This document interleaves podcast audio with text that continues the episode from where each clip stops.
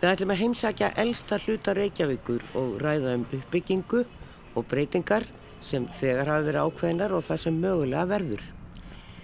Ég bendi hlustendum á skýslu Borgasögusaps nr. 126 frá árinu 2005 en þar er sagt frá upphafi byggðar í kvosinu og margt að lesa. En við skulum grípa aðeins niður í upphaf hennar. Svæði sem nú afmarkast af kirkutorki, skólabrú, lækjagötu, vonastræti og templarasundi var óbyggt þegar Reykjavík fjakk kaupstæðaréttindi árið 1786. Svæði var þá hluti af Östurvelli sem upprunalega var tún víkurbænda og náði frá aðalstræti Östur að læknum og frá sjónum í norðri söður að tjörninni. Tjörnin tegðist þá lengra til norðus en nú er og svæði sem hér um ræðir lág austan við tjarnarendan. Þessi suðaustur hluti Östuvallar var stundum nefndur tjarnarvöllur. Östuvöllur var lengi óbyggður að stórum hluta og var ástæðan líklega svo að hann var bæði votlendur og dældóttur og þótti óhendugur til bygginga. Skömmu eftir að Reykjavík fekk kaupstæðaréttindi var Dómkirkjunni þó valinn staður suðaustan til á vellinu og var hún reist þar á áranum 1787 til 1796. Upp úr því fór svæðið sunna við kirkjuna það er að segja reyturinn sem hér um ræðir smán saman að byggjast. Húsið við skólabrú 2, næsta hús austan við húsaröðuna við kirkjutorg var byggt árið 1912 í upphafi steinsteipualdar og var meðal fyrstu íbúðarhúsana í Reykjavík sem reist voru úr steinsteipu. Húsið er jafnframt eitt elsta dæmið um íbúðarhús með sveigðum gaflbrúnum sem ná upp fyrir þakkið En sá stíl átti rætur sínar að rekja til danskra nýbarokkhúsa. Í gerð húsins gæti reyning áhrifa jugendstíls og þjóðleirar romantíkur sem algeng var í Danmörku í byrjun 20. aldar.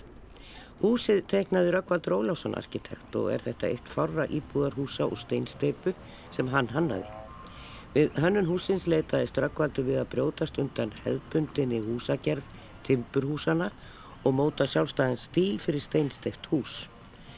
Húsið er því brautriðandaverk í hönnun steinsteipuhúsa og hafði mótandi áhrif sem slíkt en steinsteift íbúarhús af þessari gerð, svo kallar villur, urðu vinsal hér á landi á öðrum og þriðja áratugji 20. aldar og settu engum svip á hverfi hinn að efna meiri. Húsin skólabrú 2 og lækjata 10 sem standa litlu austar er í góðu samræmi við húsaröðuna sunnan domkirkjunar.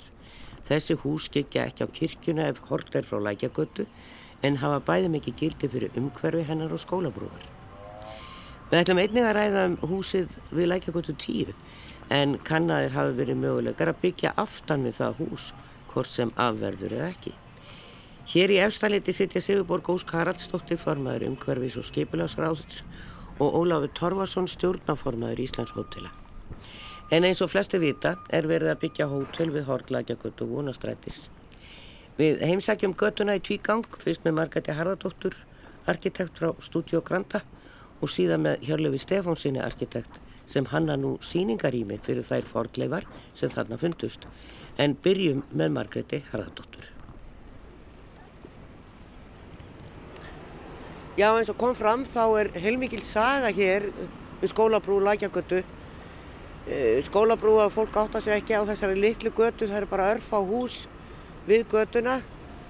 Tvö hérna við ingangin á götuna, maður getur sagt svo eru tilheyra lækjagötu það er hérna gammal steinbær og svo þetta timburhús hér þar sem að Östurlandar hraðilestin er til húsa e, í lækjagötunni og svo er það húsið sem er bara kallað skólabrú, það er veitingastæður og, og svo er hérna hús sem var málað í skjóli nætur hér fyrir nokkrum árum kvítt eftir Röggvald Ólafsson.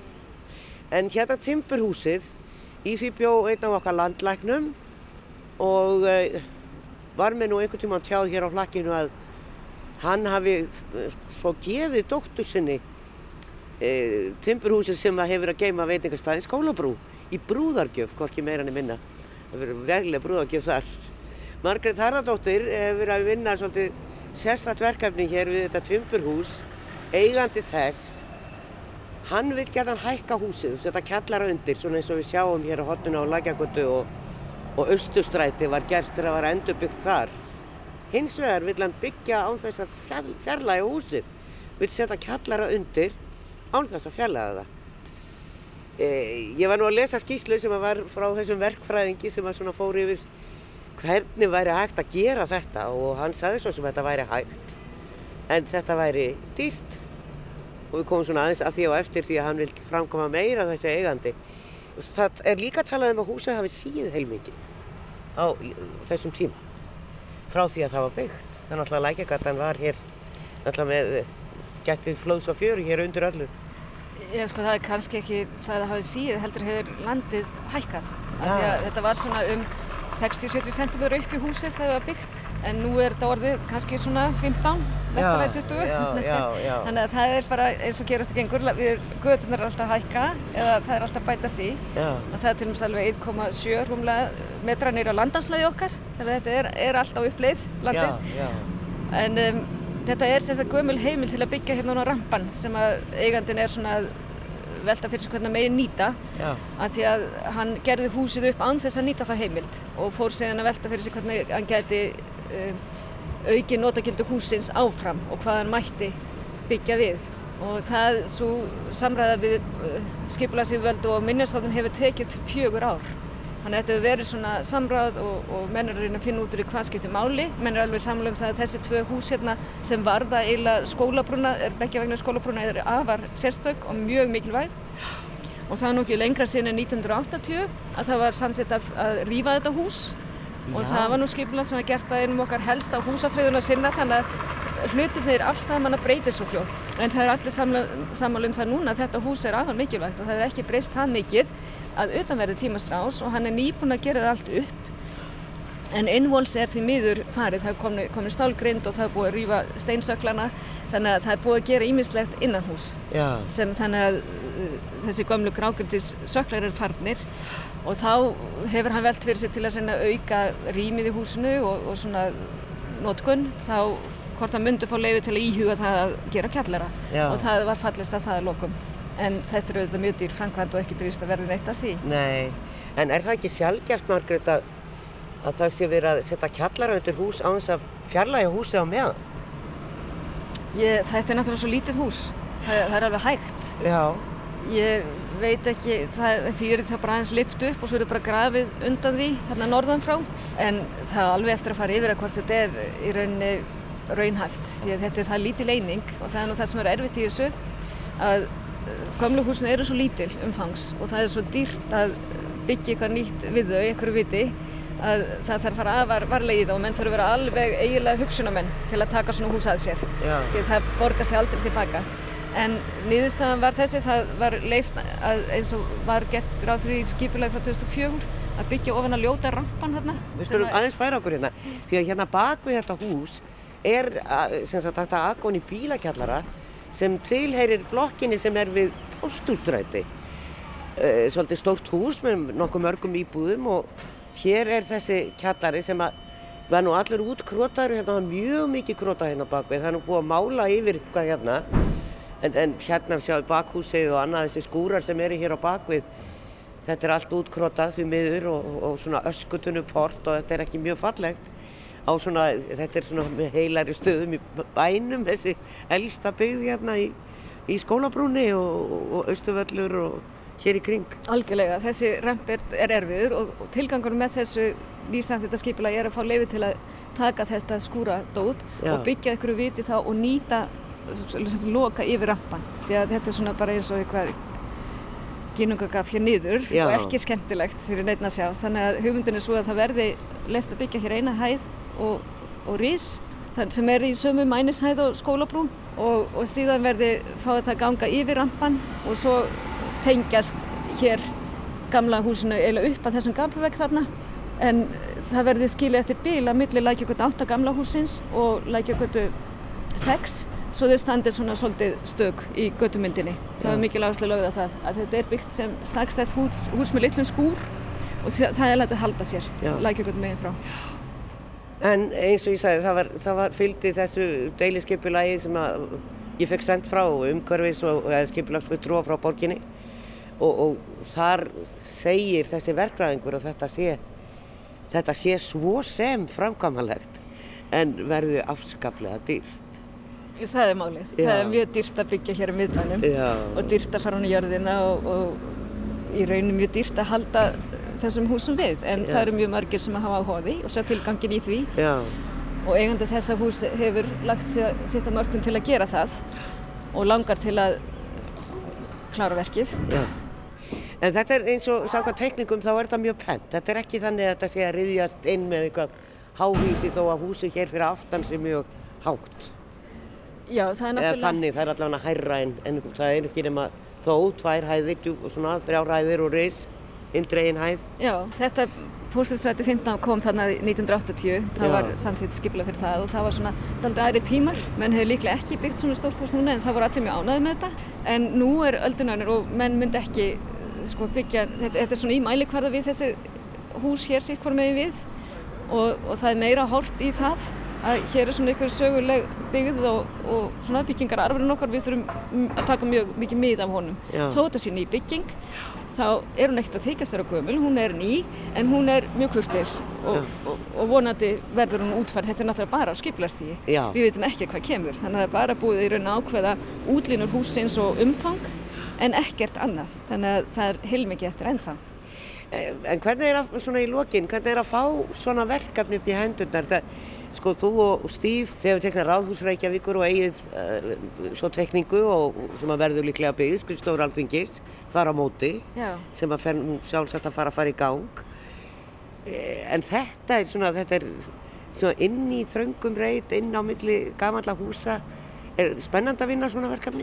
Ég sko, þetta er einungir skipilag sem við erum að vinna. Já, já, já. Það er, við erum ekkert endilega að vinna þetta verkefni. Það er aldrei, það er fullt af skipilag sem við hefum unnið og aldrei unnið eitt einasta hús sanga til skipilagi, þannig að það er ekki samansamverkið þar á milli. Nei, nei. En svona verkefni er alveg indislegt. Þetta er alveg með því skemmtilega sem maður kærast í. Því hér þetta virkilega að skoða umhverfu og skilja umhverfu og vinna með því og það er bara mjög gaman. Þannig að þetta er skemmtilegur höfuverkur. Þetta er engin höfverkur. Jú, að því leita það, þetta er náttúrulega kostar markvælt meir en ykkur nýbygging bara út á túnni en viðfangsefni er náttúrulega bara mjög skemmtilegt. Já. Margt sem það er að hugsa um, hvernig þú til og meins, ef að þessum kallar að verðu þá verður það heilmikið aðventýri en það er ekki tvist að þetta verði neitt. Þetta er svona bara verið að eiginlega komast að niðurstöðum um það hvað á að gera hér og það er bara mjög gott þannig að menn viti hvað má og hvað má ekki. Við sjáum hvað settur, en við ætlum að skoða okkur líka við, um hérna hinum einn. E, það er e, komin eigandi að skólabrú 2 og lækjagötunni það sem að steinbænum, því fallega húsi, þau verða bæði gerðu upp og svo er náttúrulega verið að byggja þetta stórt hótel við hotnið á Vónarstræti. Við hverjum Margreði Harðardóttur arkitekt og best að bæta einu húsi við í upptalning á verku Margreðar og Steve Kræster en það er hæstiréttur sem er ákavlega vel hefnu bygginga mínu viti. En við skulum heilsa upp á gæst okkar hér í stúdiói. Það eru þau Sigurborg Ósk Haraldsdóttir, Borgarfulltrúi og Ólafur Torfarsson, stjórnaformaður Íslands hótela. Velkomin. Takk. Takk. Kanski fyrst Sigurborg, þetta er náttúrulega alveg rosalega viðkvæmi staður og við heyrðum náttúrulega þetta er löng saga og allt þetta bara frá upphafi byggðar í Reykjavík. E, þetta tók fjögur átt bara fyrir þetta litla hotn, þetta deiliskipilag. Bara þessa möguleika. Mm -hmm. Búið líka mikið yfir þessu. Já, svo sannlega. Það er, hérna, það er alltaf þegar að kemur að þessum reytum á í kvósinu og á svona óbúslega viðkvæmi svæði sem að hafa bæði þessa sögu en líka eiga einhvern veginn hlut í okkur öllum þannig að við höfum öll skoðanir á þeim. Þannig að, já, svo sannlega, það tekur alveg tíma að finna uh, það sem við teljum vera bestu eða ásættanlegu lausn í svona málum uh, eins og þessu en það er líka Það sem ég finnst skipta svona mestu máli er að þegar það er verið að vinna með reyti eins og þennan að hafi hugað að þetta er kvosin sem að er í raun og veru samegn okkar allara. Það er að segja við eigum öll svolítið hluteld í henni og hún þarf að endur spekla fólkið sem að, að hérna, það dvelur og hér býr í þessu landi og endur spekla ólíkar kynnslóðir mm. og þannig að hver og einn sé stolt af eigin tilveru og, og stolt af sinni arfleið sem eru þá bæði kynnslóðunar, fólkið og húsin. Þannig að ég held að, að það hefði einmitt tekist uh, mjög vel í þessu verkefni. Já, en við sjáum hvað setur, við vitum ekki hvort að hann fer út í þetta þessi eigandi, þetta er eh, að lesa þessa verkfræðskíslu var mjög gaman að því að þetta var svona flóki dæmi en hvernig líst þér á þetta Ólafur? Þú ert alltaf að fara að gera upp tvö hús þannig Já, já, við, við erum að fara í það og erum að byggja eins og sæðir hótelið. Við Lækjagotu, 12 og vonastrætti tengist inn á vonastrætti fjögur. Og hérna e, jú, mér líst vel á þetta að reyna að laga og ef það er að losa ykkur að skúra þarna bakvið, það er rétt þetta er ópríð af þessu. Já, það er það Það náttúrulega nú þessi jörundastígur að ligga í gegn og inn til okkar og, og varð ekkit af þar sem að þessa fornminjar eh, komi í ljós þegar við byrjum að, að grafa. Já, já Átt að ná stígur þarna inn á hvað Jónfróðtorki þá? Já, bara og já. alveg niður á höfn. Já, já. Og, og liggja og kallast jörundastígur. Það er nefnilega það. Heiður að hann aðeins. Það stoppaði nú stutt. Já. en, en við sjáum sko austamið við göttuna. MR, Torfin á stjórnaráðið og, og það er svona mjög miklu heildasvipur á, á, á, og það verður ekki trópla við því. Það er þó verið að byggja fyrir aftan stjórnaráðið. Það er kemur nýbygging. Mm. Já það er einmitt, það er, verður ekki hrópla við því en það verður byggt við eins og við stjórnaráðið og, og ég held að það verði einmitt uh, bygging sem að, að miða við það sem að koma út úr samkjæmnistillögunni að þá er það ákveðin, hún er nútímaleg bygging en hún mun líka vera svolítið fallegu bakgrunur og ramma stjórnaraði svolítið vel inn frá lækjagutinni. Já, já, við sjáum hvað það er búið að gera þar og það er verið að fara á stað þar, bara fljótlega. En e, það hefur verið byggt í lækjagötunni hínum einn, vestamegin. Og það er svona mísaflega vel hefnað skoðun hjá, hjá fólki. Sumir vilja að það sé byggt í gamlum stíl og aðrir segja að það sé fára alltaf byggja einhverja leikmynd í samtímanum. Jú, e, hvað varst þú að leitast eftir einhverju hver, hverju varst að leita eftir þú varst að láta hanna út Já, við, við vor, borgin óskaði þetta því að færi með þetta í samkeppni þegar við höfum keift Eh, bankan eh, af bankanum í áslokk 2014 og það var gert og, og, og svo komu tilöðunar og, við kursum hann og nokkur í domnend og, og það svo tilöða var nú ekki þótt ekki góð uh, að mati borgarinnar og hún var svona þeir eru að breyta sér verulega uh, breytinni. Og, eh, og í raun og veru þá, þá var þetta eh, erfitt að, að, að, í byrjun að fara inn í deiliskypulagið og, og fá það samþygt og, og koma því í gegn. Það var mjög erfitt mál. Þetta dreigist mjög mikið, fórlega uppgröftur og allt þetta. Já, svo stuð á hortminniðnar og það er náttúrulega stoppar okkur, þannig við byrjum eiginlega ekki að reyka nefnir stál til þarna eh, fyrir í, í eh, síðla árs 2018 held ég, já. Og erum við bílakjallara undir? Já, svo erum við með 20 bílakjallara eða 19 bílakjallara og, og bílaliftu þarna niður og, og hérna, já, já. Nákvæmlega.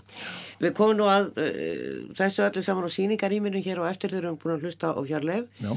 En uh, sko, það er... Uh, þessi, þetta kvosaskipula, þetta er svo erfitt þegar hún segir margir frá því að 1980 var með að Guðrún Jónsdóttir sem var nú fremst í flokki í húsafriðin samþekir þá í deiliskeipula að rýfa þarna austustræti átt, nei, lækjakot átt þannig að tímanni breytast mm. rætt, það er ekki að segja hana en e, við ætlum að ræða þetta aðeins betur og, og, og það sem að þú ert að gera á hótelinu sem er svolítið sérstaklega En við skulum heyra eins í Hjörlefi Stefánssoni arkitekt og lítum til lækutu 10 skólabrúa 2 og hótelsins. Já, það er engin lát á uppbyggingu hér í miðborgur Reykjavíkur. Við erum búin að koma okkur fyrir hérna undir, já, vestugablinum á MR, stöndum bara hérna alveg fyrir húsið og trappunar og, og horfum hérna yfir lækjagötuna sem er að snar breytast hérna kosinn í Reykjavík, hægt og bítandi. Það er nú bæði gamalt og nýtt hér í lækjagötunni, endurbyggt þarna á hotninu eftir bruna og uh, mann ekki lækja þetta tvö. Og síðan er nýtt hús og svo er annað nýtt hús, svona nýlegt allavega, ekki eins nýtt kannski en svo taka við nokkur gömul hús. Og maður horfi hérna inn í skólabrú, það sem að veitingastæðurinn er og Dómkirkjan og Alþingishúsi tekur við og steinbærin þar gengt. Og svo er við að byggja hótel eins og fólk veit, hér er við út af hotnin á vonastrætti stærðarinnar hótel, fimm hæðir. Þetta er önnur stórbygging sem að kallast eiginlega mest á við Hafnatorkið eiginlega að segja. Þegar það er risið og svo stingst hér upp á bakvið hótel við aðalstræti og uh, þetta er aldeilis að breytast. Hjörlefi Stefánsson arkitekt kemur aðeins að þessu verkefni eða aðeins, það er reyndar mjög ánægilegt að segja frá því að þeir sem er að byggja þetta hótel, Íslands hótel, þeir hafa farið í samvinnu við, uh, já hvað minnjavend eða hvað hjálfur hver, af því að þarna var grafið heilmikið upp á fornminnjum áður en þeir fengi að fara á stað með þessa byggingu og nú á að gera þetta sínilegt. Já, það var reyndar þannig að Minnjastofnun Íslands e, gerði kröfum um það að þarna færi fram forlefa gröftur áður en e, ráðist er því þessar hótelbyggingu.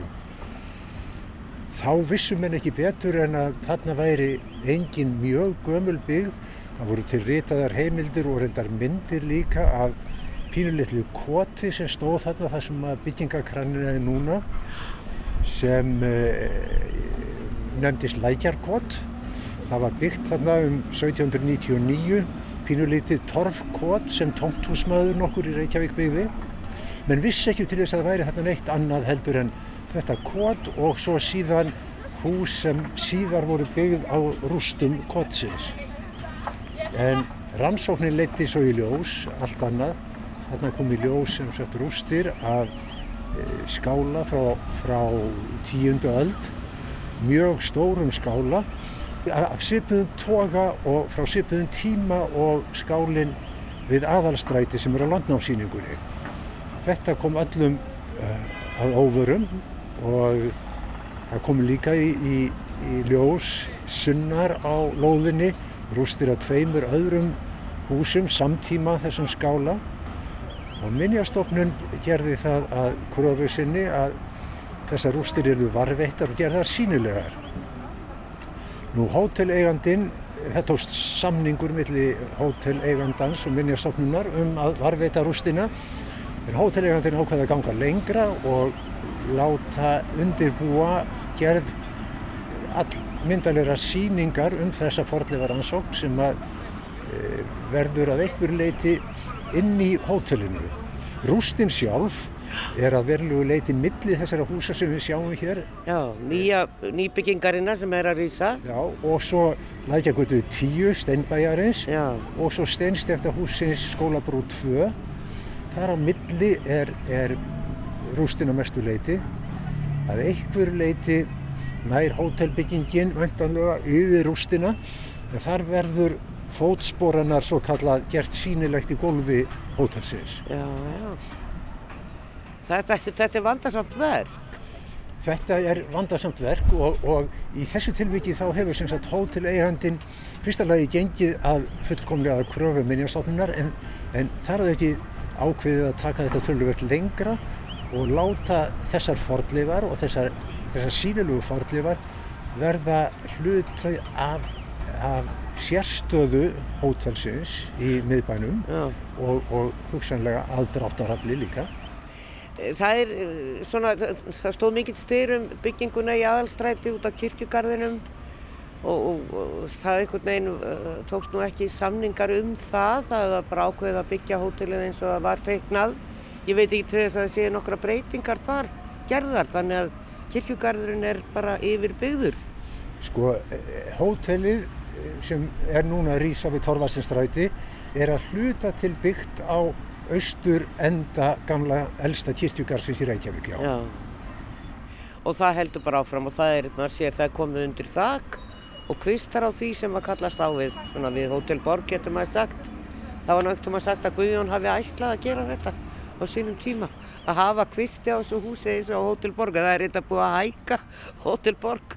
En það er, maður veit ekkert um það, svo sem. Þessi hús líka, Steinbærin og Skólabrú 2 sem var nú í sjálfu sér, aldrei seint var málað, þetta var steinað hús og það var málað kvítt og þá þar með var það eiginlega bara svona eins og svolítið rjómakaka. E, það var bæði í dökkum, steinað í dökkum steinum og eins í ljósum. Þannig að það dróð svona svolítið út þann arkitektúr sem að Röggvaldur Ólafsson hefur sjálfsagt viljað hafa á húsinu þegar hann teknar það. Já, það er alveg rétt. Sko, þessi tvö hús sem þarna standa, þar að segja Lækjakata 10, Steinbærin og Skólabrú 2, þetta eru hvort vekja friðuð hús, samkvæmt lögum um minjavernd, afskaplega merkileg hús.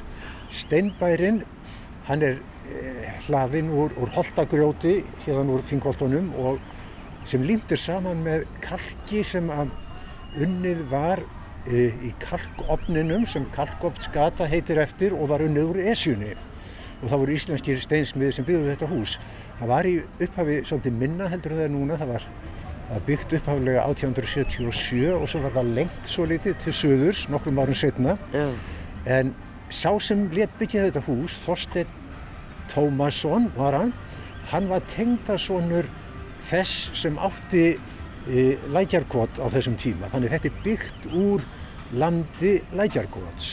Já. og svo verða aftur tengdasónur hans Þorsteins sem að byggði skólabrú 2 Já. þannig þetta var í raun og veru svona fjölskyldu torfa eða þyrping fjölskyldu húsa að ég, ég hef heilt á sögu að uh, landlæknir sem að bjó hér í, í lækutu átta þar sem að austurlandarhæðlistin er núna í, til húsa að hann hafi gefið dóttu sinni og tengda sinni í brúðakjöf húsi fyrir aftan, skólabrú. Já, skóla, já, já, það mun vera rétt, já. Já, já.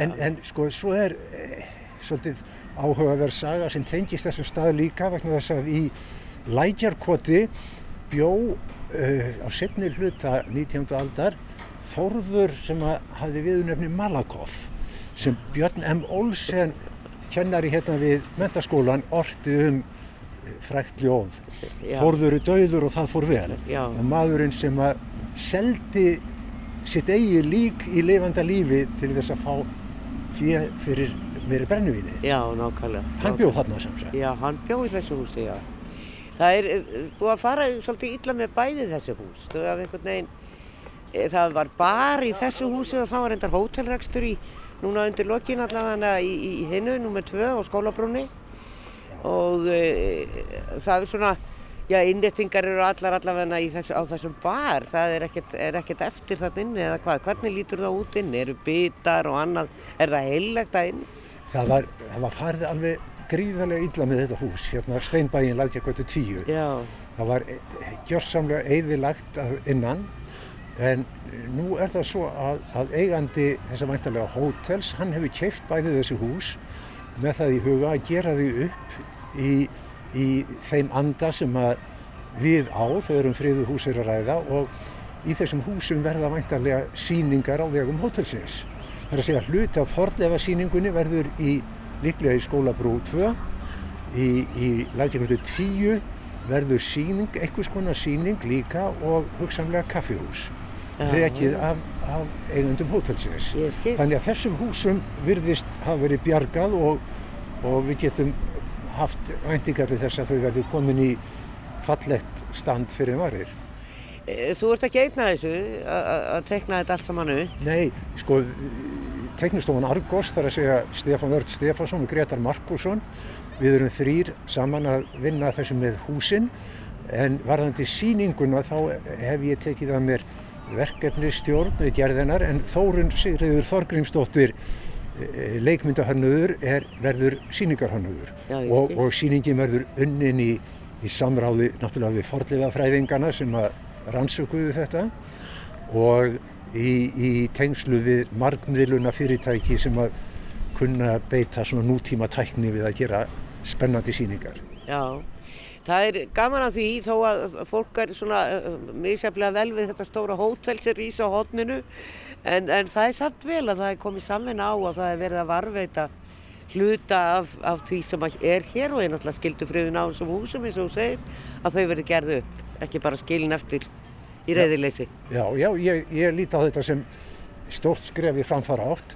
Ég er endar þeirra skoðunur að þetta hótel sé allt og stórt fyrir þennan stað en, en þar er tel ég vera fyrst og fremst í skipulags í hugvöld Reykjavíkuborgar að sagast að, að samþykja deili skipulag með svona gríðarlega e, stóri byggingu. Slíkt skipulag er náttúrulega grundvöldur sko að verðlækningu á lóðinni og, og það kaupir engin slíka lóð nema með það í huga fullnýta þennan byggingarétt sem að talin er skapast með þessum hætti. En, en sem sagt framfara skrefið finnst mér vera fyrst og fremst þetta að eigundur hótelsins eru reyðubúinir til að leggja mikið á sig við að varveita eða passa upp á minniagildi staðarins og, og gera sér bara einfallega mat úr því. Sem að ég er nú bara trú á að, að, að fólk sem að hinga kemur það hefur áhuga á sögunni hér. Já, já, já, já, auðvitað. Og vil fá að vita já, eitthvað, já. já, og fá upplýsingar um það. Já og þar með hvað við Hjörlein Stefánsson arkitekt og tökum upp þráðin hér í efstaleiti með Ólafi Torvarsinni frá Íslandshótelum og Sigurborgu Ósk Haraldsdóttur Borgafjörtrúa. Konstaðis inn á það og þann Ólafur að það hefði verið samkeppni um byggingu þessa hótel sem var hafnað fyrst af yfirvöldum Já. og síðan er það atelier, teknistofana það ekki Já. sem að vinnur þetta en hún kom ekki að samkeppninu þið fengu þá bara síðan Já, við fengu þá bara svona því við vorum meila konur út í hotn Eh, með, með svona það, eh, mín tilfinning var að það var svona eitthvað þrátæfli í gangi á, á milli e, hönnuða og borgarinnar. Þannig að e, mér fannst nöðsynlegt að að fá eitthvað fest að þessu. Og það lág fyrir þá deiliskypulag sem við gáttum eftir, hægtar að vinna eftir.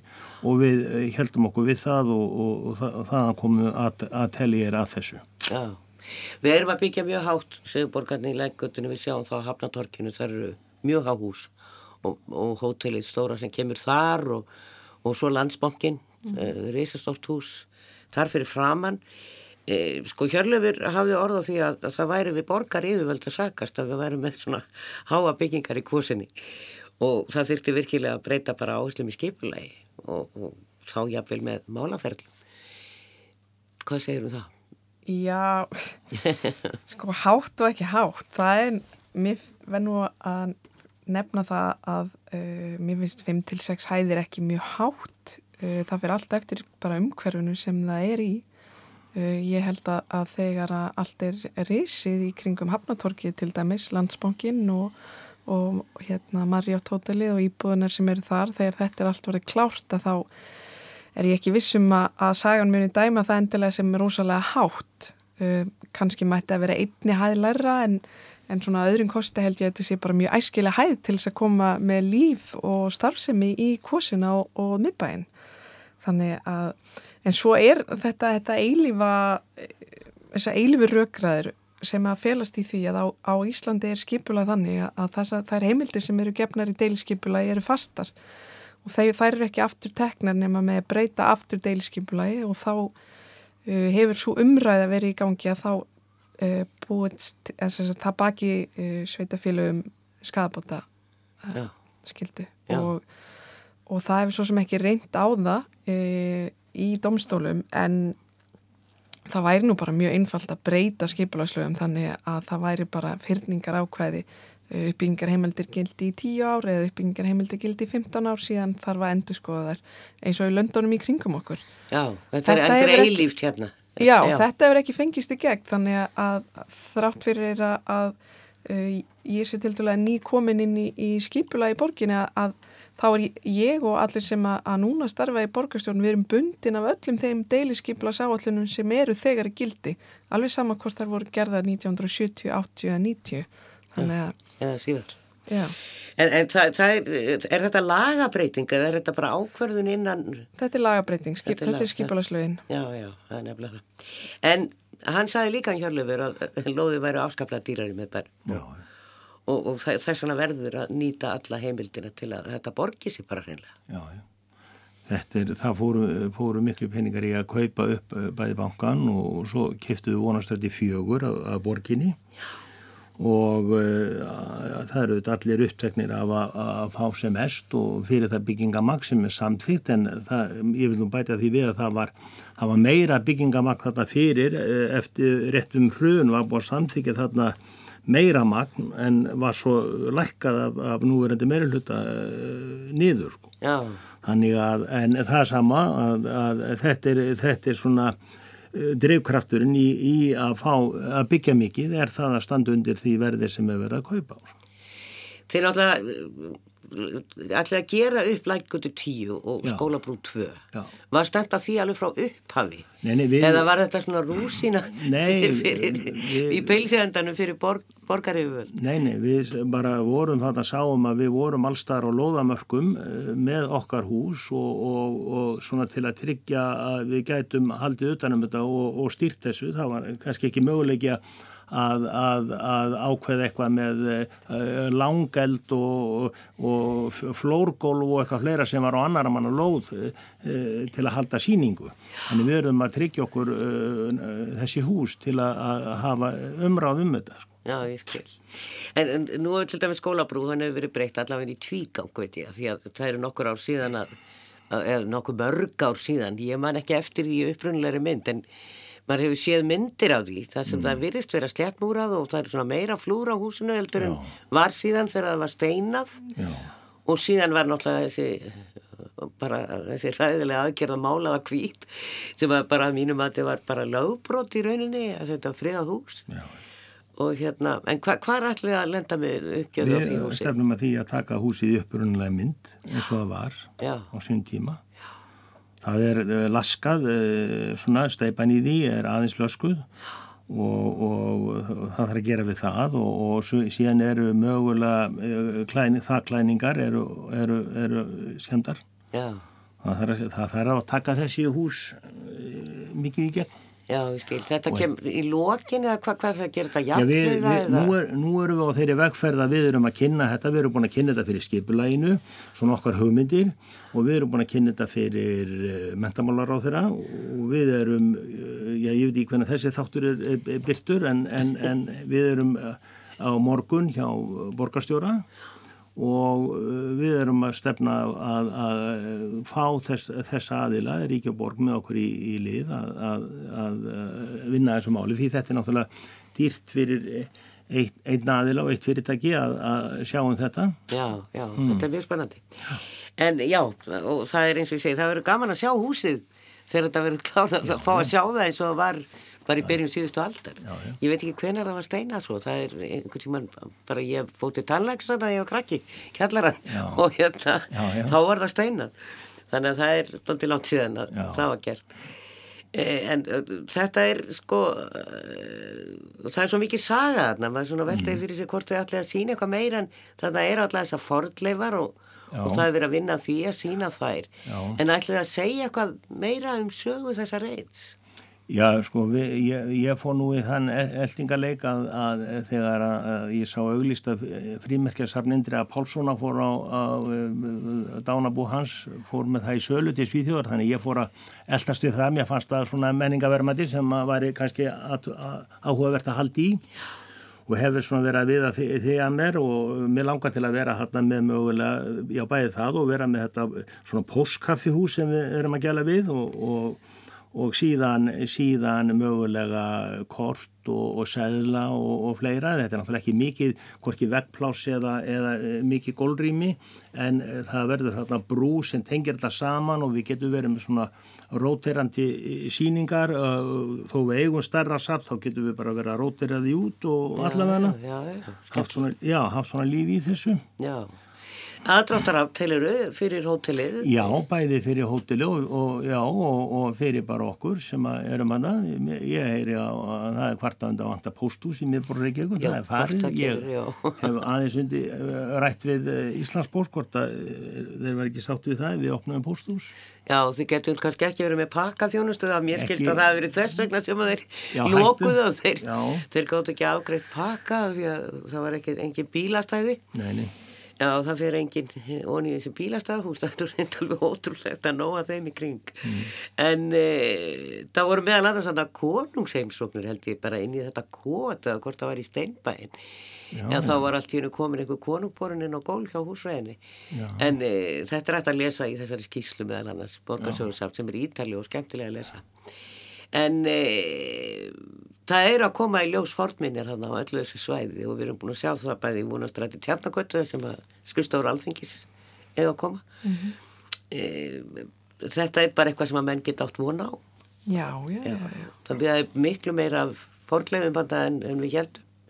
Svo sannarlega, Já. sérstaklega í kvosinni, við, við það, það mánum bara valla stinga niður skoplu sko í kvosinni en, en þetta er út um víða borg og við sjáum þetta í raun og veri í ótrúlega mörgum uppbyggingaverkefnum og, og kannski nýjasta er núna í Gufunissi og þar eru að koma í ljós uh, talsverða fortminjar uh, þannig að það þarf alltaf að huga að fortminjum, þær eru í raun og veri grunnforsendan þegar að, einhver uppbygging á sér stað. Þannig að jú, ég vil líka nefna það, ég held að þetta er gríðaleg sóma uh, það sem að Ólafur er að fara hérna yfir varðandi hvernig þeir að varðveita þessar fornminjar og, og tryggja aðgengi almennings og, og þessar síningar ég held að þetta verði, verði mjög mikið aðdraftarafl og, og hérna í raun og veru kannski svona hluti hluti af því að gera þetta hotn og þessa götu, lækagötu, skólabrú og vonastræti, ég held að hotni verði rúslega lifandi því að jarðhæðin verður líka lifandi. Eh, það verða veitingahús á jarðhæðinni þannig að ég held að, og svo með hérna postkaffinu, ég held að þetta hljóð mér rúslega vel. Já, ég held að verða margir ánaði með að fá posthús aftur í bæn, þú verður að vinna þessu. Já, já. hérna. En þetta er heilmikil keðja, Íslands hótel. Hvað er þið mörg? Hótel? Við, við erum með, þetta er átjónda hótelu okkar já. sem við erum með og, og, og hérna, já, já. Stæstir á Íslandi? Já, ég, ég sá nú að Æslandir fór 60 svonur yfir okkur í fyrra í umsvið, en uh, þetta er svona sveipuðanótum. Já, en er þeir ekki sæljast? Jú, jú, það er að fara. það er nefnilega kannski næsta spurning. Er ástæða til að byggja nú? Er Æslandir að selja sín hótel? Eh, við erum að fá hérna Marriott hótel, fimmstjörnu hótel, það er eina á landinu. Mm. Það er verið að byggja hótel alltaf hann í aðalstrætinu, kirkustræti. Eh, Þannig eru stór hótel í borginni fyrir og þetta kemur eitt enn. Talaðum fækandi fjölda ferðamanna.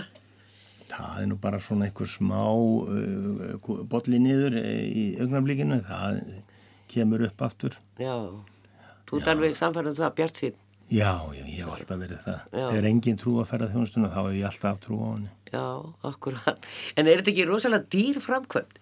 jú Hún er, hún er dýr og þetta er svona, já, hún er það nú meðal annars ástæðan fyrir því að við erum að ræða við og beraðilega hvort að þeir geti ekki komið með okkur í, í allavega sarnarlutan en hótelið eitt og sér er, er daldi dýrt og sé nú kannski eh, eitthvað læri nótum heldur um bæði Marriott og, og þetta á landsýmaritnum að, að þá, þá finnst mér það samt dýrt sko. Ég hef verið að byggja ódýrar bæði út á landi og viðan.